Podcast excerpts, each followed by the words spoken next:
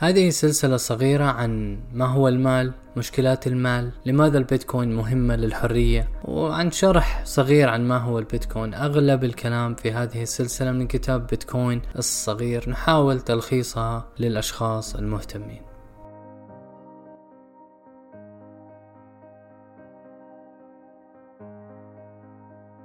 ما هو المال؟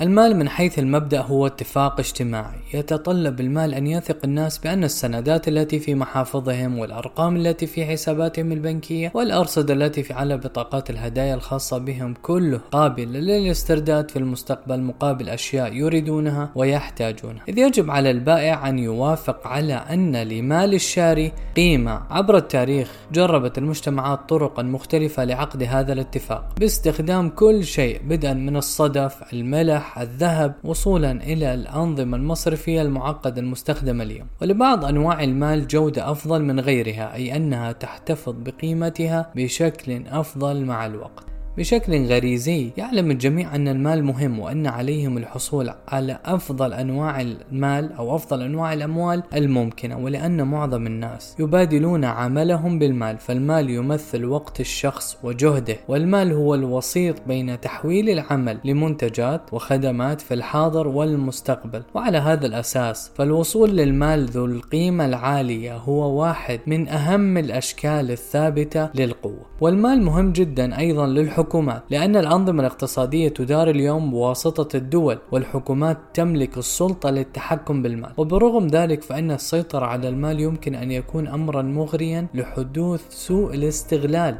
فيتلاعب المسؤولون غالبا بهذه السلطة لتلائم مصالحهم فالحكومات الديمقراطية فقط والتي تحمي حقوق الأفراد ومبدأ فصل السلطات وسيادة القانون يمكنها أن تتصدى لسوء الاستغلال النقدي كالتضخم الجامح ال hyperinflation والمصادر التعسفية والفساد إذا ما هي آلية عمل المال الحديث؟ تسمى جميع العملات الوطنية المتداولة اليوم النقدية الرسمية fiat money وهي الأصل اللاتيني لكلمة مرسوم decree أو decree تحدد قيمة هذه العملات بموجب مراسيم تصدرها الدول المصدرة لها والتي تقبل التعامل بها ونظرا لقدرة الحكومات على إصدار المزيد والمزيد من النقد الورقي بتكلفة منخفضة فمن الممكن طباعة المزيد من وحدات العملة بشكل لا نهائي وفي أي وقت يختار قال ألان جرينسبان الرئيس السابق للاحتياط الفيدرالي الأمريكي أنه من المعروف أن الولايات المتحدة يمكنها سداد أي ديون عليها لأننا نستطيع دائما طباعة النقود للقيام بذلك. يمكن لهذه الممارسات خلق مشاكل حتى في أكثر الأنظمة الاقتصادية استقرارا في العالم مثل أمريكا. يعد الجنيه الاسترليني الخاص بالمملكة المتحدة أقدم عملة وطنية وقد خسر 99.5% من قوته الشرائية خلال 300 عام المنصرمة. بينما خسر الدولار الأمريكي 90% من قوته الشرائية في القرن الماضي فقط. فقد ارتفع سعر شريحة اللحم التي كانت تكلفتها 0.36 دولار دولار في عام 1925 إلى 3 دولار عام 90 ووصل إلى 12 دولار اليوم. وهذه إحدى أكثر العملات النقدية الإلزامية استقرارا في التاريخ إذ يبلغ متوسط عمر العملة النقدية الإلزامية 27 عاما فقط. إن التضخم المنخفض والمستقر هو هدف البنوك المركزية الحديثة. وقد كانت هناك فترات مختلفة من النجاح وفقا لكل بلد. ومع ذلك فإن معظم العملات تعاني من ارتفاع معدل التضخم على المدى الطويل والذي يمكن أن يكون مدمرا للمدخرات كما شاهدنا في الحلقة الأولى. وينطبق هذا بشكل خاص على أولئك الذين لا يستطيعون تحمل عبء الأصول الصلبة مثل العقارات أو الأسهم الممتازة والتي ترتفع قيمتها مع التضخم حيث يمكن للتضخم المرتفع أن يجعل من الصعب على الجميع باستثناء الأغنياء الادخار للمستقبل. وهذه السردية اليوم لما تطلع وسائل الإعلام تقول لك استثمر وإنه الكاش راح يتضخم وقل عملته الشرائية. فهذه الميزة ميزة لا تتوفر عند الجميع لشراء الأصول الصلبة لذلك نكمل بالنسبة لمليارات الأشخاص الذين يعيشون في ظل الأنظمة الاستبدادية فإن قيمة مدخراتهم تتضاءل تبعا لقرارات المسؤولين الحكوميين غير المنتخبين ويمكن للنخبة من الناس فقط عادة الوصول للدولارات والذهب والعقارات للحفاظ على قيمة الأموال. وفي الوقت نفسه يتمتع المواطنون في الدول الديمقراطية الغنية ببعض أشكال الحماية المهمة فبإمكانهم الوصول لعملات مستقرة مستقرة نسبيا مثل الدولار واليورو وتعمل اقتصادات هذه الدول بشكل جيد. لذا فمن الممكن لهم الحصول على وظيفة ذات دخل جيد مع الوقت ويمكنهم أيضا الوصول للعديد من المنتجات الاستثمارية لتعويض أو تجاوز التضخم. إن تأثير النخبة التي تستفيد بشكل غير متناسب من النقود المطبوعة حديثا هو أمر سائد لدرجة وجود مصطلح خاص بهذا الأمر وهو تأثير كانتلون أو Cantillon effect. والذي سمي على اسم ريتشارد كانتلون عالم الاقتصاد في القرن الثامن عشر الذي لاحظ هذا التأثير أثناء عمله كمصرفي في المملكة المتحدة. ويمكن للتضخم الدراماتيكي أو واسع النطاق أن يكون وسيلة غير عادلة لتوزيع الثروة لأنه يفيد حتما من يملك المال بالفعل على حساب من لا يملكون وعلى الرغم من أن آثاره قد لا تكون واضحة للشخص العادي في الولايات المتحدة أو المملكة المتحدة إلا أن المليارات من المواطنين في الدول ذات الأنظمة الاقتصادية الاقتصادية الأقل استقرارا يشعرون بها بشكل مؤلم. كانت أنظمة النقد الإلزامية عوامل تحزيز للحروب الطويلة عوامل تعزيز للحروب الطويلة في العصر الحديث. إذ يمكن للحكومات طباعة المزيد من المال من أجل الحرب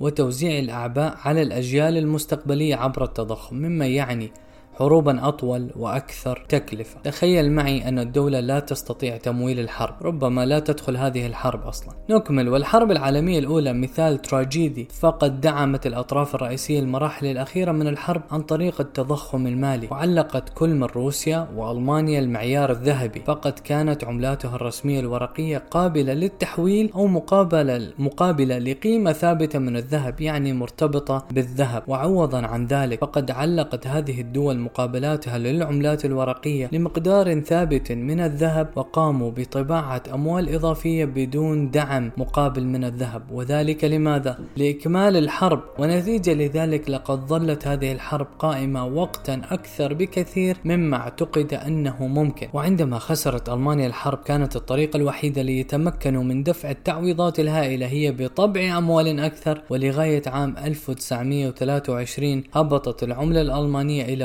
واحد إلى تريليون عن ما كانت عليه القيمة قبل الحرب وبهذا هيئت ساحة المسرح للحرب العالمية الثانية. كان هذا التبذير في الصرف واضحا في الآونة الأخيرة كذلك. فبغض النظر مما قد يعتقده المرء عن المشاركة العسكرية للولايات المتحدة في أفغانستان والعراق فإن كلفة هذه الاجتياحات تبلغ ما يزيد عن 5.9 تريليون دولار أمريكي ويأتي ذلك بأكثر من 46 ألف دولار أمريكي لكل أسرة إذا طلب من دافعي الضرائب في أمريكا تمويل الحرب مباشرة يعني باختصار العائلات الأمريكية أو كل من يعيش في أمريكا ومن يدفع الضرائب. هو مول الحرب بمقدار 46 ألف دولار أمريكي لكن بطريقة غير مباشرة. وهنا تأتي الفائدة. عن ضرورة تعلمنا ما هو المال وكيفية عمل النظام. الحديث. وهناك أيضا مشكلة أخرى في أنظمة الأموال المعاصرة وهي أنه من الصعب جدا تحويل الأموال بين الشعوب في كافة أنحاء العالم. فالحكومات في دول مثل الصين روسيا أرجنتين أندونيسيا قد وضعوا قيودا صارمة على كمية الأموال التي يمكن للمواطنين تحويلها أو تبادلها أو نقلها بحوزتهم خارج البلاد. ويتم ذلك بشكل رئيسي بالتحكم بقدرة كل فرد على تحويل عملته المحلية إلى عملات أجنبية كالدولار الأمريكي. وكمثال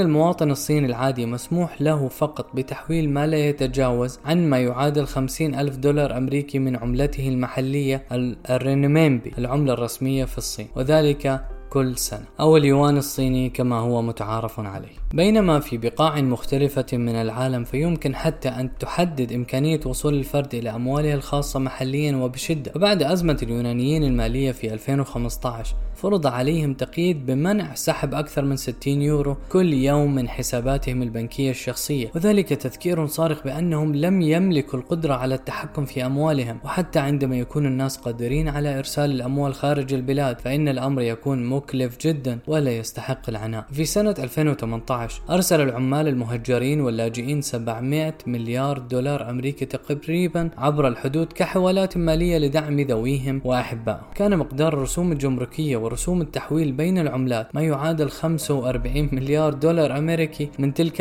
الأموال التي أرسلت مجملة. تلك كمية كبيرة خاصة بالنسبة لمن لا يستطيعون التبذير ولا يملكون ما يكفي. وهنا تذكير لكل شخص يستمع لهذا البودكاست. ما يحدث في دولة مثل اليونان في 2015 أو ما يحدث في لبنان أو ما ربما يحدث في مصر الآن من تشديد على أموالنا. فهنا تذكير صارخ مرة أخرى. إلى أن الأحوال في بلداننا ربما تكون اليوم جيدة لكن ربما تكون بالمستقبل خلافا على ذلك.